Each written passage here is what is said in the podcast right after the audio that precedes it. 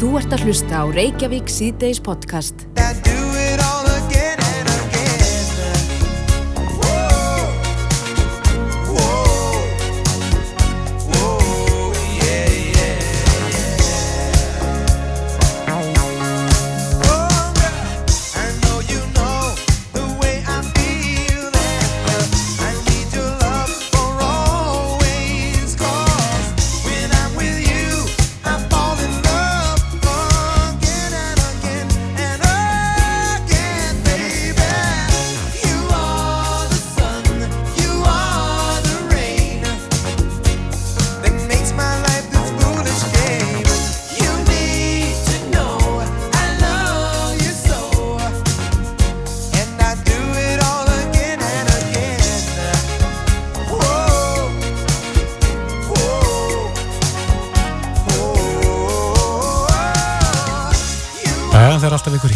Í gangi. Já. Það má segja nýjasta hitamálið, það snýrað óperunni. Já, það bárast fyrir eftir að því að fólk af asískum uppruna búsett hér á landi hefur undarfarna daga gaggrind uppsetningu í íslensku óperunar á uh, Madame Butterfly Mhm. sem er, held ég, 120 ára gömul ópera en uh, ja, leikarnir og söngvarnir í þessu verki, í þessari uppsetningu eru flest hvít og frá Íslandi og, og uh, farðaðir svo þeir líti út fyrir asískir og, og það hefur sprottið ansi mikil umræða út frá þessu. En uh, sagan, ef við skilir þetta rétt, á að gerast í Japan, er það ekki? Ég held það, það er nú spurning að- að spyrja bara óperustjóran eh, að þessu. Hún er sest hjá okkur, Stein Ragnarsdóttir, óperustjóri, kom til sæl. Takk. Já, Steinun, þetta er, eh, já, þetta er svolítið hörð gaggrinni ykkar í ykkar garð. Það er talað um rasisma og menningarnám og annað slíkt. Hvernig Einmitt. Eh, bregðist þið við? Sko við náttúrulega fögnum þessari umræði vegna þess að hún er bara svo nöðsynleg og það við erlendis er þetta mjög viðkvæm umræða eðlimálsins samkvæmt og það er gott að fá að deila því og leiðrétta að við nótum ekki nálgunina sem er kallið yellow face í þessari uppfæslu uh, eins og var gert fyrir mörgum áratugum þar sem að reynlega hvítum andlitum er breytt í japansku með því að breyta augunum og breyta húðlitnum heldur uh, förum við aðra leið til þess að gera uh, söngvarana trúverðuga að þessi uh, saga sé eiga sér stað fyrir uh, yfir hundra árum í Japan. Auðvitað verður það að vera trúverð við erum jú í leik, leikhúsi og það gerum við með búningunum og hárinu og svo tökum við eldgamla leikhúshefð uh, förðunar hefð frá Japan sem heitir Kabuki sem er mjög svona íkt leikhúsförðun.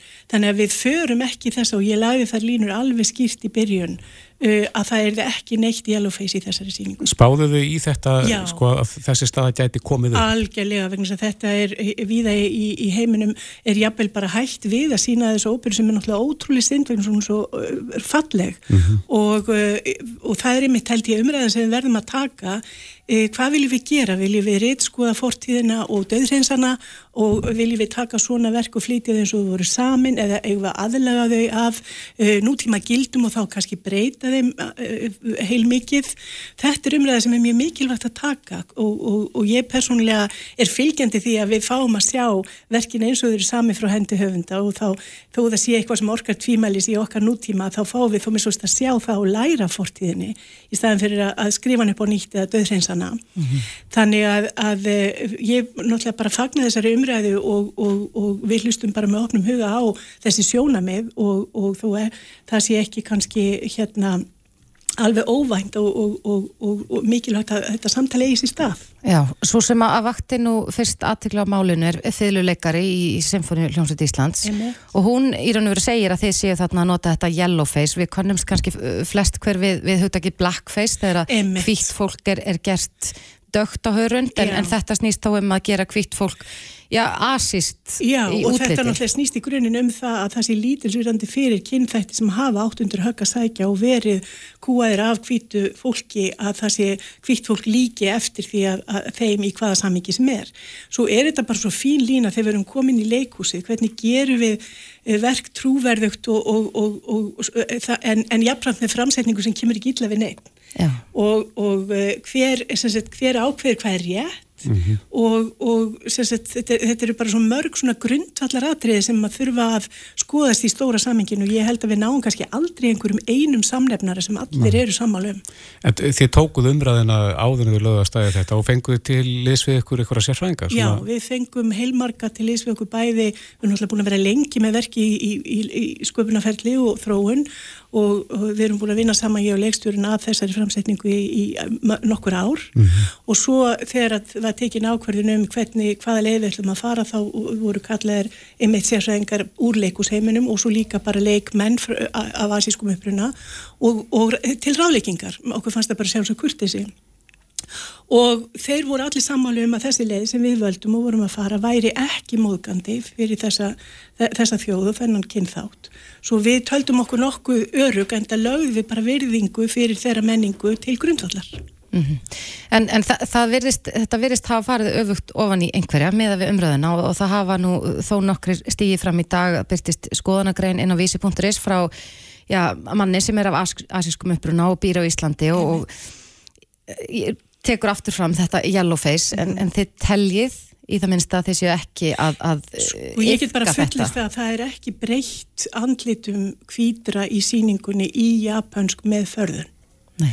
svo getur bara sett sínst hverjum og, og, og á að það á að vera þannig, leikúsið er bara það á að vekja okkur til umhugsunar. Það kannski, það veitur okkur ekki, ekki svörin en það ska, skaffar spurningarnar. Mm -hmm og þetta er mjög stór grundvallar spurning sem ég held að við sem bara manneskjur og, og í sviðslistum þurfum líka bara að, að ræða og, og tjá okkur um og ver, þar verður öll sjónamið að koma fram. Já, viltu meina það að ef, að, ef þið tætjuðu ljósmynd frá þessum tíma þar sem að þetta verka á að gerast að þá væru, væri fólk á þeirri ljósmynd eins og þið setið á svið?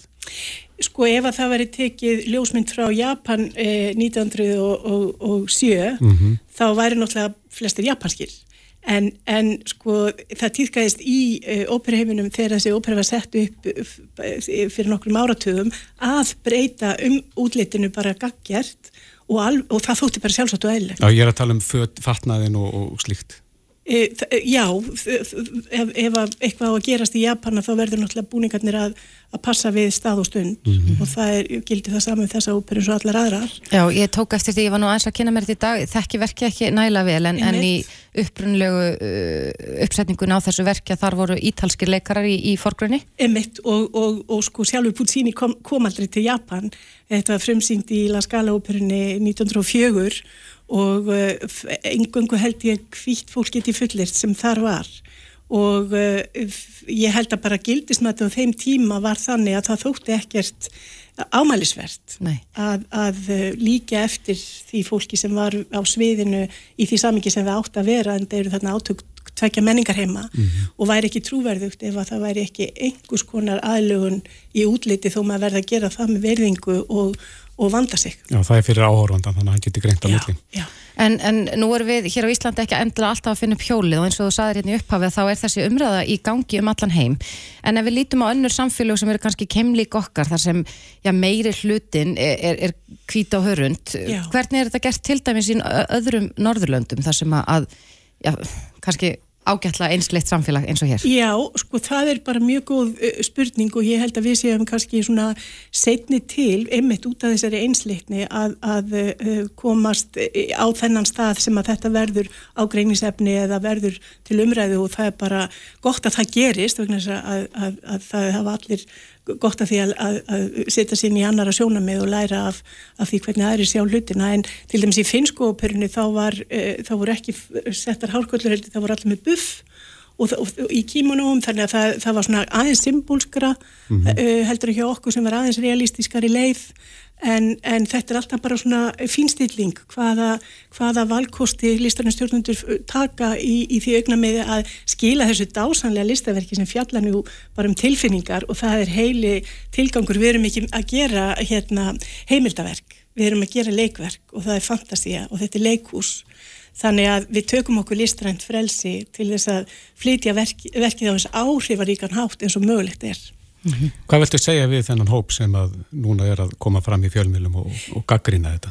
Ég vil bara segja að, að ég skil uh, að þetta gerist og uh, mér langar til þess að þau sjá í síninguna og komið til samtals við okkur kannski eftir síðustu síninguna þannig að við getum svona sett okkur vel inn í þeirra sjónamið og að því ég held að samtal sé ekki bara til allt, alls fyrst heldur bara til alls uh, mikilvægt Mm -hmm.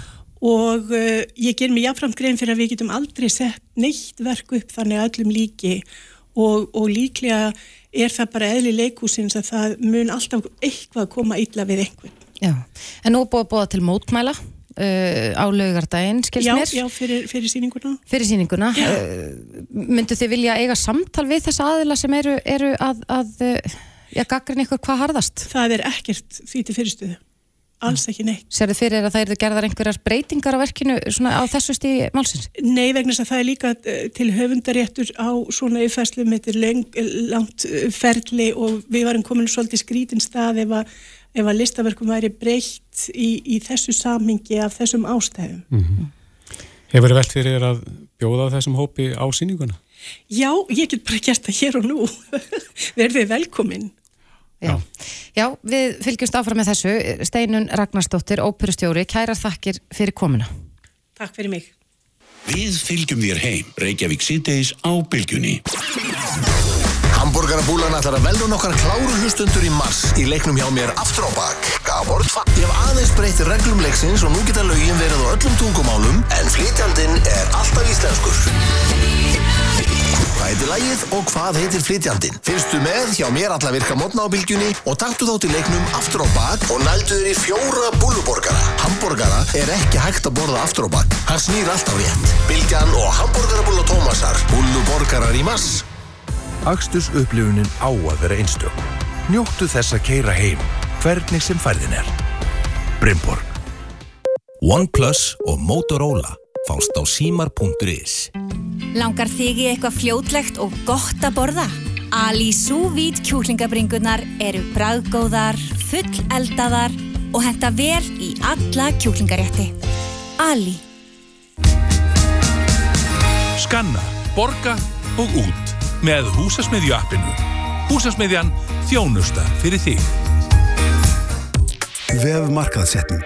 Allra átta, átta.is Magnaður Mars í tölvutek. Nýja luxusfartölu frá Lenovo voru að lenda. Ótrúlega fermingatilbóð og fullar vestlanir af nýjum leikjabúnaði. Tölvutek mörkinni og undir hlýðakureyri. Beint til Barcelona og þaðan á sólríka strendur Salú. Bókaðu sól með Æslandeir Vita. Draumaþjófurinn í þjóðleikúsinu. Æsi spennandi söngleikur fyrir alla fjölskylduna.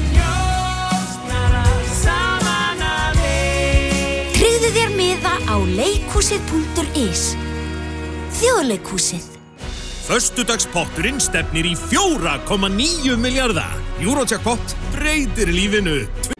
Þú ert að hlusta á Reykjavík C-Days podcast. En við ætlum að snú okkur allt öðru. Já, hann er komið til okkar, Ástýr Jónsson, Sælabankastjóri, velkomin. Já, þakka þið fyrir. Ef við byrjum á því að ræða eins um þjóðarsátt gegn verðbólgu. Þú styrðu það vantarlega? Já, já, eða sko, sko þjóðarsátti er getið verðbólgu eftir náttúrulega alltaf vísin í þessi frægu þjóðarsátt. Mm -hmm. Hvað er 92? Uh, nei, svona, ég held að það var 89-90 mm -hmm. sem hún var gerð. Uh, það sem var eitthvað svona samilegur, samileg markmið. Uh, þarna, um, það var hérna verkefæðsfélaginn þó sem setti sig við til dæla lágar nafnlunahækkanir mm -hmm. gegn, gegn ákveðin skilurðum og síðan voru settu rauðstryk og eitthvað. Einmitt. Og hérna, og við andurlega erum, um, sko, sko aðstæður kannski þá eða nú er, eru kannski aðeins aðra því leiti verðbólgan er erfiðari núna fyrir okkur vegna þess að við, hún er einflutt um, að, að miklu leiti En þetta er eitthvað sem við höfum ekki stjórn á? Sem við höfum ekki stjórn á og það þarna, menn, það er bara þannig að þetta er ekki um, eins og þarna á þessum tíma þegar, þegar þjóðsötum var að þá var Íslandir eina landi sem var með há verðbólgu á þenn tíma. Mm -hmm. Um, við um, verðbólgu var kringum 20-30% sko, kringum, kringum kringum 89-90 og þetta séum bara tekið niður. Mm -hmm. Það sem við erum núna við er bara heimsi verðbólka og Ísland verðbólka í Íslandi er ekki endilega herri en um, í Európa, bara svona svipnum stað. En við erum með munherri vexti samt heldur en Já. aðrar Európi þjóður, hvers vegna? Já, það eru sko, sko tventið samandi, fyrst alveg eru, eru hérna Európi þjóðunar að hækka vexti og sögumur Európi þjóður, hérna, sérstaklega Östur-Európi erum herri vexti en við en, það sem að sko það sem er hjá okkur er það að við erum bara með svo mikinn háist þannig 60% sem ég held ég held er Európumett og hérna er, hinn, hinn er þjóðunar úti eru, er, þetta er miklu leiti sko hérna um, kostnæður, bara hækkun og olíverði og, og e- eitthvað nálíka Mhm. og sko það sem er líka sérstætt við þessa verðbólku og hefur kannski líka mikil áhrif uh, í, í hérna, fátakari löndum heimsins er það að þetta er hækkun á mataverði nú hefur mataverði eiginlega bara farið lækandi hlutvarslega bara í ykkur ára tí bara frá því að ég mann eftir mér, þá hefur bara mataverði að lækka og það er ymsum ástöð núna er það að hækka. Og tölur stór hluti á sér í verðbólku er hækkun í mataverði og kannski fyrir tildur að ríka þjóði eins og okkur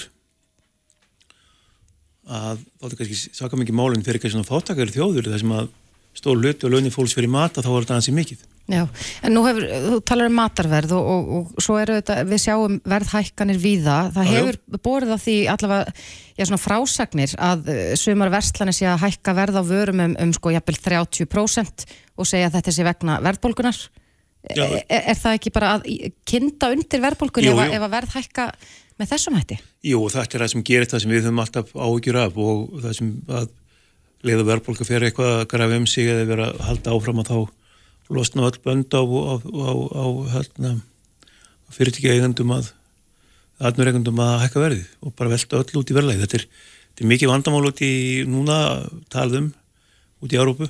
Mhm. Það er sagt að fyrirtækin hafa velta öllu áfram á, neytundur þar og hérna Heldur að það sama sé að gerast hér? Ég veit ekki nákvæmlega en, ég, um, en það skapast hætt á því. Og líka bara sko þegar kemur verðbólka þá hættu fólk að geta borið saman á milli vestlana sankinn mingar og þá veldur þetta áfram sjálft.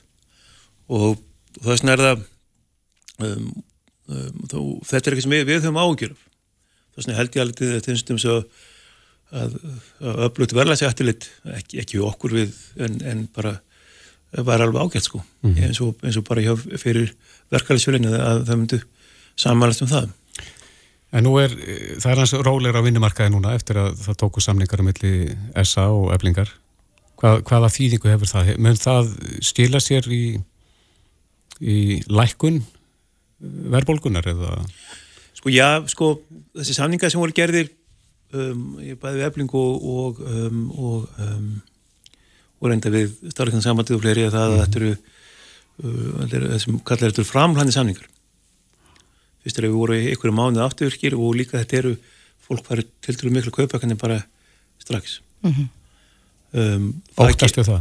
Já, það geti haft einhver áhrif til skemmri tíma um, Viltu meina að fólk fari þá að eða þessum pinningum? Nei, kannski ekki meira þannig, meira að þetta verður bara kostnæðakann fyrir fyrirtækinu, þau bara fá allt í ná sig eitthvað hækkun launa og svo herri, hugsa bara, herri, ég þarf að borga þetta út allt en bara, bara, ég að endur hugsa bara launingrætti fyrir síðustu þrjá mánuði eitthvað líka þetta gengur ekki, þá þarf ég eitthvað að hækka og eitthvað svo. Þetta eru þetta talsverðar fjárhæðir, þetta er held ég að meðaltala um 46.000 króna launahækkun og, og við erum að tala um aftur til 1. november og, og þetta getur þetta verið ég, talsverður skellur fyrir þau fyrirtæki sem þurfa að, að ég, greiða þessa afturvirkni núna mánaðamóti. Algjörlega og, og það, er svona, það, svona, það sem er það sem, við, það sem Sælumankin hefur þetta ágjör af er þessi hvað þeir eru, hérna framlænir en um, saman tíma um, þannig að en á saman tíma að þá er þetta svo stutti samningar. Núna bara og ég held að ég held að uh, aðalega vinnamarkarnas hljóti bara þegar að vera hérna að hugsa um næstu kjara sem slóti sem vonandi eftir lengri tíma. Mhm. og þá skiptir máli að sko að, að þeirra við það, það, það sem ég var að tala um þjóðasátt að, að við bara það verði eitthvað skilningur á því að, að, að vinna saman að einhverju markmiðum. Já, hann kom til okkar Viljámi Birgisson, formar Já. starfsgrunarsambansins hér fyrir vikunni og við rættum meðal annars e, fyrirkomulag sem er í Luxemburg og hefur verið síðustu hundrað ár það er að segja verðtrygging launa. Þeir eru með þetta akkurat öfugt í okkur. Þeir eru ekki með verðtrygg lán en þeir eru með verðtrygg laun og uh, bætur. Barnabætur og uh, atvinleysbætur og slíkt þannig að ef að verðlag hækkar og verðbólgan hækkar eins og hún er að gera núna að þá kemur sjálfkrafa launahækkun í vestið. Já, sko... Er þetta sniðu aðferð? Nei, ég, Selma Gísla sem ekki finnst þetta sniðu, þannig að við endur vorum með verður laun og eins og þetta virkaði í okkur þá var þetta bara eins og sprengjefni þar að segja að þarna, uh, það er ástæðan fyrir okkur verðbólka fór upp í 80-100% á sínum tíma þannig að En hver er munurinn á þessum tveimur hækjurum? Akkur geta Luxemburgar að þetta Já, að við ekki? bara miklu þannig að rólara kerfi endur við erum með Er það gjaldmiðlinn? Já, líka bara, bara, bara allt úr þessi þjóð, sko, hvernig, hvernig, þessi þjóð virkar, sko. Nú, stýrðu það eins? Nei, þarna, því að, sko, þeir, þeir gera eitthvað kjærasamlinga það sem er launið eitthvað 2% og þeir eru svaka ánaðir, sko. Mhm. um, við, við, við, okkur finnst alltaf að taka því að semja nema það sé hækkað um 10% eða eitthvað svona. Og, Erum við, erum við ekki alltaf að elda verðbólguna? Jú, eða líka bara það að, að, að, um, eru þjóður alltaf svo vongóður með að þeir bara þetta sé, þetta minni ganga bara og, og það hefur gengið, við fengið náttúrulega greiðilega miklu launahækkanir sem hafa skilaði miklu kaupmætti, sko síðustu ár hafa gengið útrúlega vel, og, og hérna En á móti hefur þessu verið velt út í verðlagi síðan aftur? Já, núna hefur þetta komið fram í, í verðbólgu og, og, hérna, og, um, og það er bæður þess að við erum bara að flytja í verðbólgu, minna vörur landis og Þískaland sem aldrei hækkaði verð um, það bara, bara komum bara tölu verðbólga þar. Við flytjum undin bara allar alls konar vörur á Þískalandi alls konar aftæki og dót sem við flytjum þann, þetta bara að hækka verðið okkur En sko, ef mér kemur ekkert óvart þó að ég í lúks muni endur sko að þetta verðringa ákvæði ef að, að verðbólka fyrir að grafa um sig sko. Já. Að, en, þú, en það, er, þessi- það sem gerist hjá okkur eins og var það að, að við, sko, það var eitthvað vesinn, það gengi á felt og þá kom verðbólka og þá hækkuðu launin og þá þarna, um, um, var aftur mikið þensla og þá þurfti að fella aftur gengið og þá hækkuðu launin sjálfkrafa og svo framins og þarna Þetta eru dómin og áhrifin. Þetta er dómnáðurinn. Þetta endaði, það keiriði verðbólgu upp í 80%, 80 og þarna ég vil herra, sko. um, þess vegna var þetta afnumið. Um, en Já, verðbyggingin var afnuminn á laun en, en já, ekki, á, ekki, ekki, á ekki, á, ekki á lánni. Nei. Og, nei, og um, eins og segi, ég var með, uh, sko, eins og ég hef sagt, sko, ég, eins og ég hef sagt hér líka, líka, ég, ég mitt markmið var það að við færum úr þessar verðtrygging, við færum í, í nafnastarlán og þjóðin fengi um, sangjarni sefa vexti á nafnbústum. En hvað er því til fyrstu, eins og staðan er núna? Já, sko, það hefur margt gerð, sko, og margt að því er ekki bundið í Ísland. Það er að segja, náttúrulega húsnæðisvextir hafa verið að hækka alveg gríðarlega hratt í, í Londonum kringum okkur. Um, eins og Bandaríkinum og Danmörkum og öðrum stöðum. Um, sko, það er annarkoð tvent, ef þetta verður svona, það er annarkoð tvent sem við getum gert. Annarkoð það að, að við, bara, við höfum bara aftur í verðringu, sem getum bara gert, sko Mhm. um, Sælabankin svolítið vanur að vinna með verðringu, verðrilán það er ekki þannig, en hitt það að við færim við það að reyna endur, endur skilgarinn eitthvað skilmála á, á nafnastalánin þar að sé að, að það sé setja eitthvað vasta þakk á, á lánin Mhm. og, og bara í skilmálum þannig að, þannig að þú veist Væri það farsætla? Ég myndi halda það, jú. Að, um, að ég myndi leggja það til sjálfur. Ég, að það væri eitthvað sem bankan er hægt að hugsa um. Mhm. Að, þú veist, þeir, það er hljóta að vera einhverja hagsmunir hjá bankunum að, og eru hagsmunir að, að, að vistu vinnið að þú veist, vera ekki ekki svona, ha- halda áfram vera, vera góður þarna sko vistu vinnir, sko. Já, en sko hagfræði er eins og kýmverska fyrir söma, þetta ekki, þetta liggur ekki uh, fyrir öllum að, að skilja allt sem að, að, þessu kemur sömur eru farinir að fá sammerskupið yfir því að fara til útlanda vegna þess að við eigum að halda okkur höndum Ég byrst afsökunar því að hafa komið, komið því á kreik. en, en þetta er auðvitað, við erum að tala um þjóðarsátt þar sem Já, allir já. eiga að leggja hönd á pló og, og, og reyna að ná verðbólgur niður og verða að minnast á það vegna þess að það var söngukeppnin Já. uh, í, í ríkisútvarpinum helgin og það var nú einhver maður sem að, já, sagðist vona að áfalla þeim í rauðakrossins þín vegna þess að við eittum einhverjum 44 miljónum í, í þetta Já, Ég greiði já. atkvæði. Ég Var ekki, atkvæði, já. var, var ekki þannig líka í, í, í þessari eitthvað Júriðsson mynd sem var hérna gerð á húsæk, tekinn húsæk, er náttúrulega? Eurovision uh, Song Contest Nei, og- uh, saga, eitthvað þar saga, var, já. þar, þar var sko sælambakstjórinn, Mondikallin, hann var að, hann var smekla af því að keppnir er haldin á Íslandi þannig að, þannig að landi er því, bara- landi er því, því gjaldtróta og þá að hann byrjar að drepa fólk. Já, já, ég meina, sko, já, ég, sko, með tenni, sko, ég, sko, ég, ég kom með þessa tennilíkingu þannig í nóvambur og það, það var þess að útskýra það að, sko, það var, að því að gengi króna var að falla út af viðstæðalla. Við vorum með það svo mikið var svo, kom bara svo mikið neyslu sprengja þetta um höstið, Já. síðustu höst. Og gengi var að falla. Og það var að vera að kalla á sælabankan, akkur er þið ekki að verja gengi, akkur er þið ekki að ferða um markaðin. Og þá saði ég eitthvað Ég ætla ekki að niður ykkur eða hann að tenniferður eða eitthvað álíka. Sérðu eftir þessum umhælum um tásmyndir á tenni? Nei, ég sé ekki eftir þess að, að öll þjóðin síðan skildi þetta, sko. Um, það er að segja, það, það, öll þjóðin skildi að hverju gengi fjall, sko, gengi fjall um hvað um 10% að þessu komið tilbaka aftur að því að þessi neyslu kúur réttast við en öll þjóðin skildi þetta. En, en, en svo fekk ég sjálfur samanskupið við því að ég var að koma einhverju svona að fólk væri með sko, samanskupið yfir ég að fara á tenni, sko. Það var eitthvað svona sérstætt ljótt að fara á tenni, ég, en hérna, en... Um, Þú varst ekki að meina það. Ekkit endilega, sko, um, ég um, hef alltaf reyndað, ég ég hef reyndað að tala til fólks, fólk skilji hvað við erum að gera Mhm. og, og stundum hefnast það eiginlega einum að vera, nei, ég sé ekki eftir þessu, en, en, Nei, nei. en ég veit En ekki- stiður það að fólk eigði peningur sínum hér innanlands? Við viljum alla að, að það drægi saman á fyrirtækjum og atvinnuleysi aukist. Jú, jú, ég, hérna, um, Sælabankin sjálfur sér stiður það alveg, sko. Og, Já, að fólk eigði peninguna þá hér heima.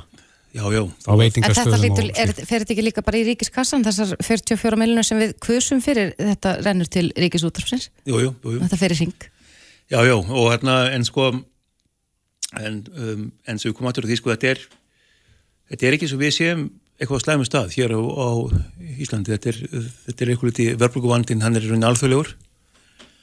Um, og þetta er rauninni, svo, þetta er hérna sama verðbruka nokkurnu, reyfist með svipum hættu og jafn há hjá okkur eins og í löndunum kring Mhm. um, og þessi aðeinsörfisi um, það, við, það er okkur þætti sem við getum ráðið við sem þjóð en aðri það þættu ráðið við ekki við og, og þurfum bara að vona það eins og það styrðið Úkrænja hætti Einmitt. bara sem dæmi og, þarna, og líka það að að, um, að þeir finna þessu úti en það sem ég hef ágjörð á núna að, að því að um, það fer náttúrulega margt annað heldur en allir því ég sjálfur bjóst við það bjóst við því að Europa færi í kreppu núna í- eftir ánútt Mhm. bara að það myndi lendi orkukreppu sem myndi keira og það var verið að tala um það núna þegar, ég fór í uh, á, á svona fundi hana, síst hana, hana, sjálfamkastjóru út í Európu þá var að vera að ræða orku skamtun og það var að vera að gera drauga því að skamta út orku til fyrirtækju Það verður ekki orðið að því. Nei, þetta er, nei, þetta er hérna bara einn hlýjasti vetur í Európu sem bara í mannamennum. Mhm. og, og, það hefur, og það hefur ekki verið þörf á því að nota til þessi hita hús þannig að, að hafastarhorur hafa batnað í Európu og líka í bandaríum en á sama tíma kemur þau upp að allt inn er, eru sælabánkarnir úti að, að endum þetta verbulguhorfur og það er bara það er meiri hafastur en þeir eru gert ráð fyrir og líka meiri verbulga Já, þannig að það eru ljóstekna lofti. Já, eða sko, eh, núna, núna eru allir þessi sælabánkarnir koma fram úti og segja, herr, við þurfum að hækka vexti meira Já. og sem við þurfum líka að gera reyndur Já, já þú, þú segir það. Töluvert. Já, ég er ekki að segja það, ég er ekki að gefa okkur skilabóð en við, en við höfum mögulega þurfum, þurfum við að gera, gera eitthvað meira ég, Rétt hans í lókina þegar tímin er að fara frá okkur og örstutt, uh, að því ég nefndi hérna Vilhelm Birgisson á hann. Hann stakk líka upp á því og kallar eftir því að það veri gerð óháð útekt helst af erlendum aðeilum á gjaldmiðlamálum, hvort að krónan sé málið eða ekki. Tekur undir það? Já, sko það er gerir margar útættir ég sjálfur persónulega hef gert mér, mér nokkur útættir sjálfur um, Og þú varst nú einu svona því að það ætti að taka upp hér aðra minn. Já, sko ég, ég stjórnaði sjálfur einu sinni, sinni hana, uh, að, með erlendi sérfrængum sem að fara yfir þessi mál Mhm. og það er ákveðin kostur og galla sem fylgir þessu þetta er sko um, um, sko peningamálum þau verða aldrei aftengd uh, þjóðfélagin peningar, þú veist, við gefum út peninga þjóðfélag hérna, sem, sem þjóðfélag stendur á bakvið þannig að, að peningamálin eru aldrei aftengd þjóðfélagsmál Mhm. þess vegna er þetta pólitísk mál, ekki endilega hagfræðismál og um, og það eru ákveðin rauk fyrir því að, að, að taka öðru en þá þýðir það að við þurfum líka þá að inn í ákveðin samfélagsáttmála með SB það, það er og fleira sem við þurfum að gera eins og varandi vinnumarkaðin um, og það er ákvörðun, það er pólitísk ákvörðun Mhm. um, en það sáum tíma líka erum við með okkar einn gjaldmið sem við getum líka unni með og við erum að vinna með núna við og meðalans var fjármálæslitið samin að seglabankan þess að við, þess að við getum um, fengið fleiri tæki til þess þess að vinna þessu og, en, en þetta er mjög eðlileg spurning og þjóðum velta þessu fyrir sér og Það er, maður finnur það, það er aukinn þungi. Já, já, en hins vegar ég bendu það að sko, E- Evrópa eru sömum vandamálum við, sömum verðbólgu og þau eru líka að hækka, þau eru líka að hækka vexti eins og við Mhm. og, og þú veist, þetta eru sömu vandamál og sömu viðbröð uh, annars staðar, við erum bara konum að hæra upp með vextina Já. Verðum að setja punktin hér, Ástýr Jónsson, Sælabokastjóri, við skulum vona að þetta bara hjarni við hjá okkur. Kjæra þætti verið komuna. Þakka þér. Þetta er Reykjavík C-Days podcast. Haldum á fram í Reykjavík síðdeis þegar klukkan er rétt um tímindi gengin í 6 en innþing var sett í dag og því er enda lokið. Laug núna klukkan 4 Já, og við vitum það að innar er eh, mikilvægur. Mm -hmm. þetta er tekið öflum fyrir okkur alls konar tækifæri. Við höfum oft talað um til dæmis nýsköpun og fleira En það er spurning, hvað var sett á ottin á þessu þingi sem fór fram í dag? Já, hann satt hérna hjá okkur sælabankastjóri á fyrir klukkutímanum og það er mikið rætt um vörustifta hallan, það er að segja að við erum að flytja meir inn heldur en við erum að flytja út. Og það er einmitt einnaðurinn sem að tryggir okkur verðmata skoðbunina og hann er komin til að ræða málinn, Árni Sigur Jónsson, formaðarsamtakana, velkomin. Takk fyrir kjærlega. Já, þú tekur undir það, þið eru í likil stöðu til þess að, að rétta hallan af Já, þetta er einlega hins, hins liðin á penninum eins og þú segir uh, og, og hérna ég hefði bara kom hlaupandi hérna úr hörpunni, við mm. vorum að klára bara slæðinu fjögur, umlega fjögur þess að það sem við fórum í gegnum þetta þema, vaksta, vaksta tækifærni einaði og, og útflutnings uh, mikilvægi mikilvægi einaðar mm -hmm. í mhm. útflutnings uh, lögu tilliti er, er mikið, við erum stærsta útflutningsgreinin og vorum með mitt að skoða tölur 44% af útflutningstekjum landsins kemur úr einaði og við erum með tvær af fjórum útflutningsstóðum þar sé annars vegar orkufreikið einaðurinn eh, sem að flesti þekki álver og, og, og annars líkt og svo er það hugverkið einaðurinn sem að hefur verið hástökkvarinn hjá okkur síðustu árin. Og eh, miða við þá umræðu sem átt sér stað á einþingju og þá greiningu sem er að eiga sér stað þá telum við jafnvel í lók þessa áratugar muni hugverkaðinaðurinn sem er svona cirka helmingur af orkufrekaðinaðunum í útlýningstekjum að hann muni e, hvað sé að vera starri þannig að ég lók þessa áratöður Já, getur þú útskýrst þetta, sko, einfalda þetta en sko, við tala um hugverk, hugverkaðinaðin og, og, og hvernig við flytjum hann út er Já. þetta hugmyndir okkar Íslandingar Já, og þetta er raunni svo útflutningsgrein sem að uh, virkjar hugvitið, þar að segja að þetta byggist ekki á, á náttúruöðlendum eins og, og hinnar útflutningsgreina, þannig að við erum að sjáarútveginn og við erum með ferðarþjónustuna sem að byggir á náttúruöðlendum, takmarkaður öðlendir eitthvað leiti og það er náttúrulega takmark fyrir því hvað við getum tekið á móti mörgum ferðarmönnum og takmark fyrir því hvað við getum veitt mikið fiskur sjónum en við hefum staðið okkur alveg gríðilega vel á endurverðum áratugum að búa til meira úr þeim fiski sem við hefum náður sjónum með, sjálfverkni og, og bættum aðferðum. Uh, svo er orkufreikiðinaðurinn og þar eru við líka háð raforkunni. Eh, hugverkiðinaðurinn hins vegar það sem í gamla dag var, var flokkað sem annar, annar einaður eða annar útflutningur. Já. og þannig eru stór fyrirtæki sem að þið hefur nú fjallaðum hér á, á eitthvað vettvangi, við þekkjum þessi gömlu góðum, Arel, Össur, CCP mm -hmm. uh, svo erum við komið með Kontrolant, við erum komið með Geresis við erum komið með Alvotech og alla flóruna, þannig að þetta er mjög þetta er svona þessi tækni heimur, þetta er upplýsinga og tækni, þetta er líftekni, þetta er mentatekni allt sem tengist tækni og hefur vaksið mjög hratt á síðust ára. Er, eru vaksta möguleikarnir mestir þarna í, í þessum gera? Já, við teljum það að það sé óhygga þannig að því að við erum, þurfum þar ekki aftur að treysta á náttúruöðlendir og, og þar eru auðvitað hvað að segja, það eru, eru ákveðnar áskoranir í vextinum líka og því að tala um því vorum með selabankastjóra hér á hann, ég náðu því miður ekki hlusta á hann en, en, en mun eflaust gera það því að við reynum að fylgjast með því hvað, hvað hann hefur að segja, en við vitum auðvitað hver staðan er í dag, hvað er defnarsmálinn, það er, það er áskorun, önnur áskorun er, er hérna, eru orkumálinn eh, ákveðnuleiti, það er að segja að það er skortur rafmagnir, rafmagnir uppselt í landinu sem þýðir það að við viljum byggja upp nýjaniðna og stækka þennan geira og það þurfa allir rafmagn að einhverju leiti Og þriði kannski stóri þátturinn er, er eh, starfsfólkið. Uh, og það, okkur hefur týrætt um það líka að fjölga bæði sérfræðingum, flytinn sérfræðinga fyrir hugverkaðinaðin mm -hmm. Og, og, og sama á menta vagnum, þar að segja menta fólk í, í okkar fólk í réttum greinum og beina vekja áhuga um, krakka í dag og, eða fólk sem vil fara í endumendun að fara í réttu greinarnar sem munu nýtast að því að þessi yðnar kallar eftir ákveðinni tegund af mentun og ákveðni tegund eða skilsett ef ég má sletta uh, frá, frá starfsfólki. En uh, það var nú verið að greiða eins veginn fyrir þessu bara núna í gær, það voru uh, gerða breytingar á því sko hverjir mega koma hingað og, og starfa. Er það til hagspóta mun þetta, mm, já, hjálp ykkur að komast yfir þá áskorun? Al, algjörlega og mjög alveg frábærar fréttir sem við fengum í gær og, og, og viðnar og nýsköpunar á það að var með okkur á einþinginu og varum þetta fara yfir þessi mál svona ákveðinu leiti og, og fór út í aðra, aðra sálma, að tengda sálma líka.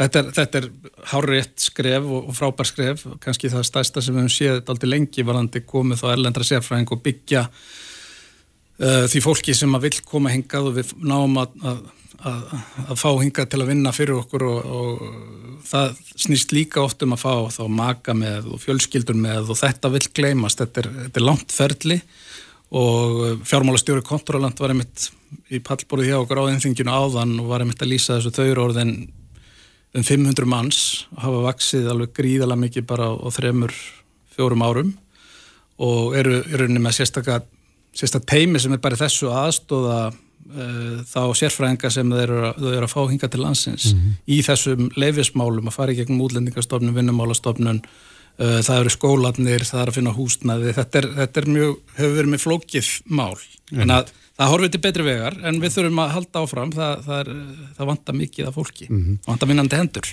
Annar ángi innæðarinn sem að hefur að mörg uh, telemarkir verið hérna vanræktur upp á síkasti, það er byggingar innæðarinn og uh, það mætti setja allt í gang þar til að Já. fjölga húsnæðis kostum Hva, hvaða sín hefur á, á þann ánga? Jú, það, við höfum auðvitað, hérna, verið framalega í flokki að kalla eftir uh, bæði auknum stöðuleika eða aukinni framsýni á, á húsnæðismarkaði og við vorum fann að tala um þetta fyrir 5-6 árum síðan að það var horði við horfum á skort eftir, eftir ekki svo mörg ár sem að hefur ræst, hefur, hefur ræst mm -hmm. og hefur hafði rauninni kannski mest áhrif á verðbólkuna í upphafið þessa verðbólku skots uh, markarinn hefur kólnað, ég veit nú ekki hvort að Sælabankastjóri rætti þessi máli eitthvað en, en í það minnsta hefur hérna, höfum við tekið mjög ákvæðskrif þar.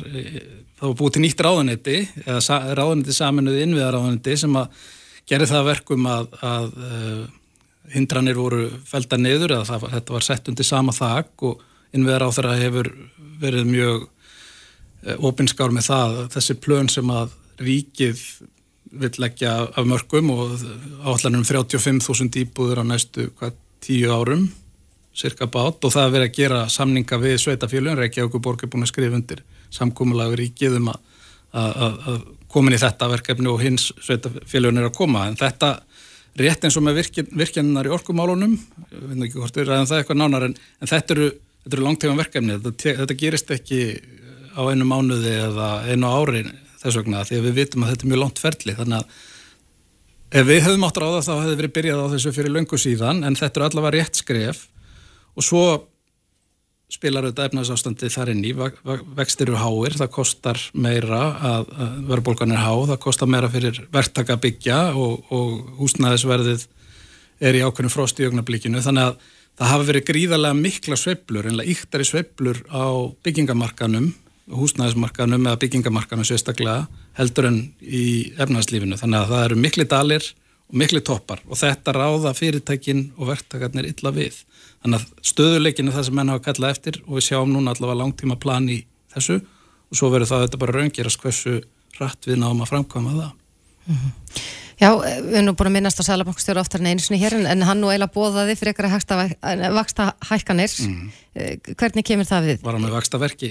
Hann, nei, hann var með samviskubitt samt, það var alls konar tilfinningar í þessu viðtali og, og, en, en hann talaði ekki um vaksta verki Nei, hans tól er auðvitað takkmörg og við höfum sínum þessu ákveðinskilning við höfum auðvitað líka sjálf og sér bara fylgjumst með því eins og aðrir á markanum efnasmálunum og sjáum það að til skamstíma eru efnagshorfur neikvæðar en svona til meðalangs og langstíma eru við bísnabjarsinn og það, þá komum við aftur að þessum punkti sem þú byrjar á Kristófer varandi útflunnstekjurnar því okkur, ef okkur tekst að raun, raungera þessa, þessa spár og þessa greiningar sem við vorum að leggja fram á þengi dag og ég hvitt fólk bara til að kíkja á það, þetta er aðgengilegt á, á, á flestum miðlum og var sínt frá þessu í dag að, að hérna á næstu fimm árum þá geti útflutningstekjur vaksið alveg gríðarlega í yðnaði og, og, og mikilvægi yðnaðar mun, mun bara aukast ef, að, ef, að, ef að þessa spár ganga eftir. En það, það þarf auðvitað ýmislegt að koma til.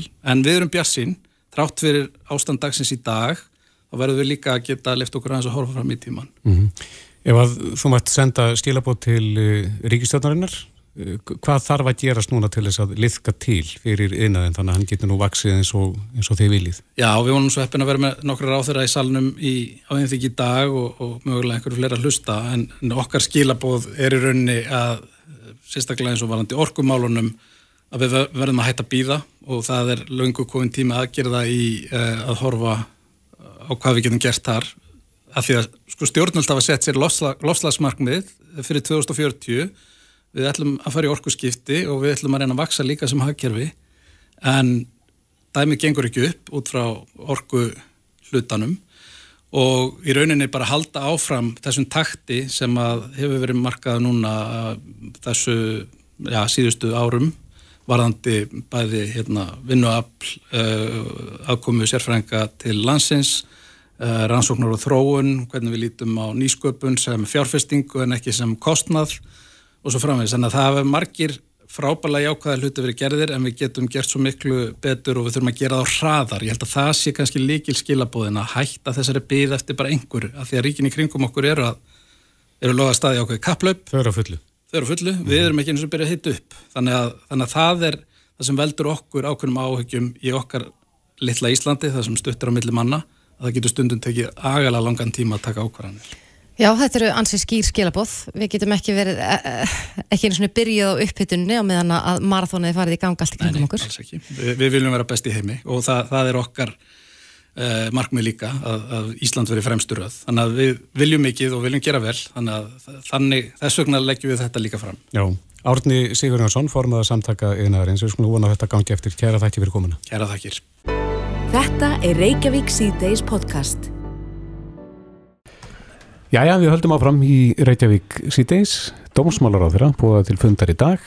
Það sem að var að kynna aðgerðir, stórar og miklar í málefnum lauruglunar. Já, það er talað um sko, já, stór skref sem stígin verða í likil þáttum lögjæslu. Mm -hmm. Við ætlum að reyna að komast að því hvað fór fram á þessum fundi og, og í hverju þessar breytingar eða þessi stóru skrefur af fólkin og hann er sestur hjá okkur, Jón Gunnarsson, dómsmálaráþara, kom til sæl.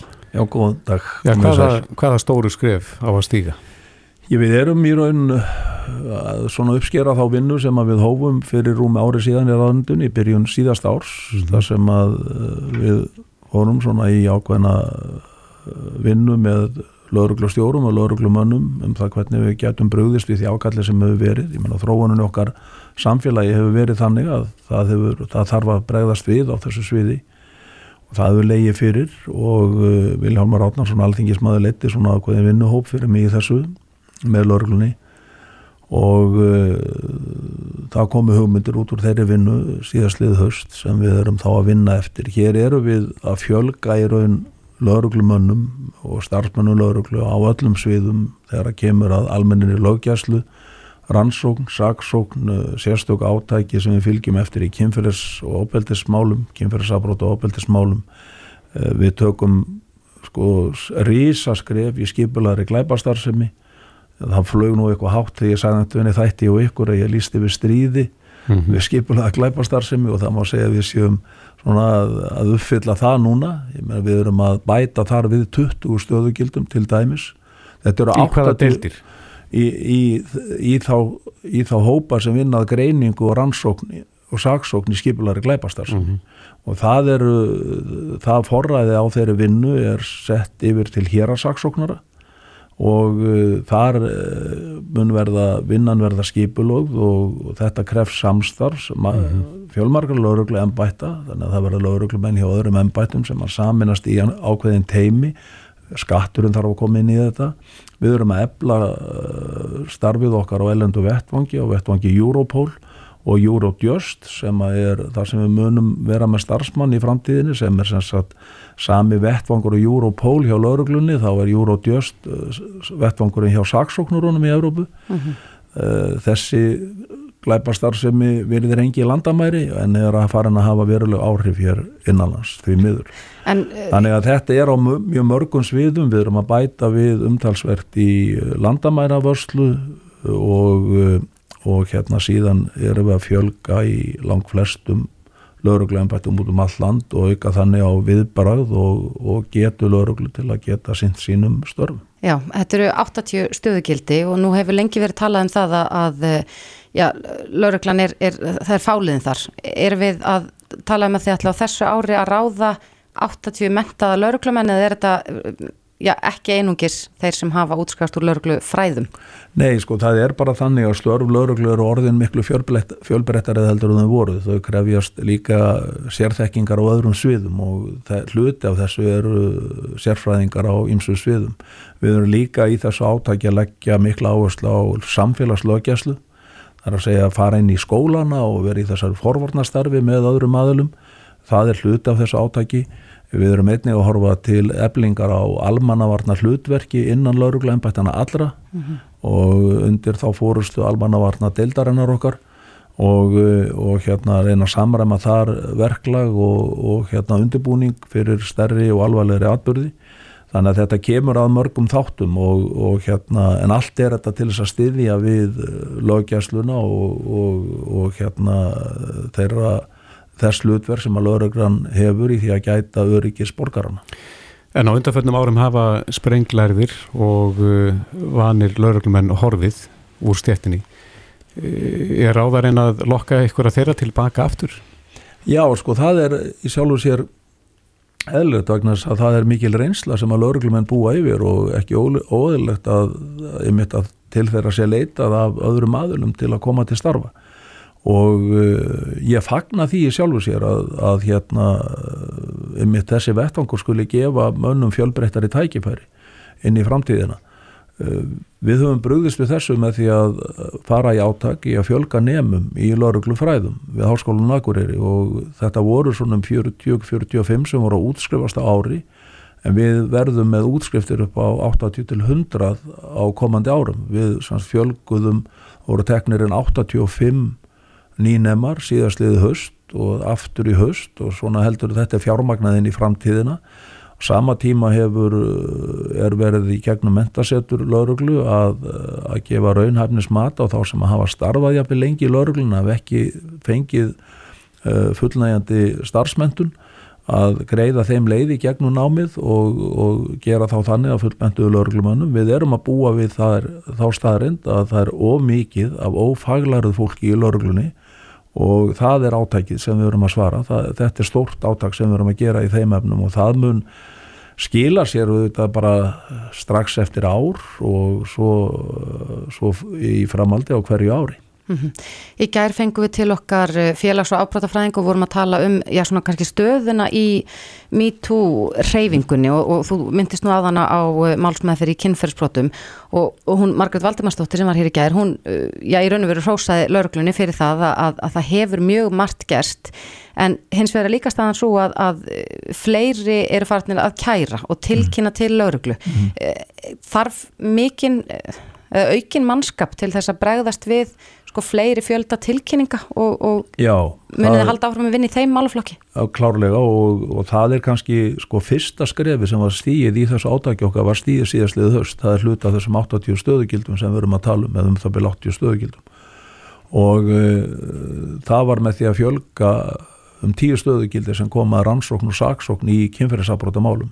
Mm -hmm. Þar var málsmeðferða tími allt of langur og uh, það var farið líka í ákveðna breytingar á fyrirkomulagi og greiningu í þeirri vinnu. Uh, það er mjög ánægulegt að sjá síðan þær tölur sem er að byrtast núna hjá ennbætti lauruglustjónus og höfuborgarsvæðinu þar sem að þessi máli eru langt flest til meðferðar. Hversu vel hefur tekist um þetta að vinna þennan hala niður, það nefnur orði bara um 40% sem er búið að vinna niður á nokkru mánuðum út af þessari styrkingu. Við erum líka að sjá um fjö, fleiri mál koma inn og ástæðin er ekki endilega svo að það séu að fjölgabrótum á þessum vettvangi heldur þýðir þetta að það er orðið meira tröstkakvar kerfinu. Þáttur í því var líka lögjöf sem að ég fekk samþykta á þinginu með öllum greitum atkvæðum, mikillir samstöðu síðastliði vor um réttastöðu brotar þóla í svona málum, þar sem við erum að í raun að greiða leið brotaþólans miklu meira í þessum málaflokki um aðgengi að sínum málum, upplýsingagjöf og öðru í kringum þetta og þetta mál hafði lengi verið í miklum ágreiningi en það tókst að leiða þann ágreiningi jörð og í mikill samstöðu þinginu var þetta mál afgreð síðastlið voru. Þetta er allt saman þættir í því að vinna auki tröst til þeirra sem lenda í þessum alveglugu málum og þá leitaðu upp á yfirborð og þá náðu að kortleggja þetta meira. En ég hef lagt áherslu á það, sérstaklega það kemur að þessum málum að uh, átækið verður að ná út fyrir raðir okkar og lauruglunar. Átæki verður að vera samfélagslegt og þess vegna fóru við þessi samfélags átök á síðasta ári. Er ekki allt í góðu sem fólk þekkir og, og góða skemmtun sem við vorum í kennum útiháttiðarnar og þetta skilaði sér mjög vel inn í umræðina, auki samstarfið einnið tveir varðandi upplýsingagáttin og þjónustuna sem að þeir veita. Við höfum nýverið gengið frá samningi við þau um það, við vorum að ég var að skrifa upp á nýja áallunni í kynfyrirsabrótamálum í morgun til næstu þryggja ára.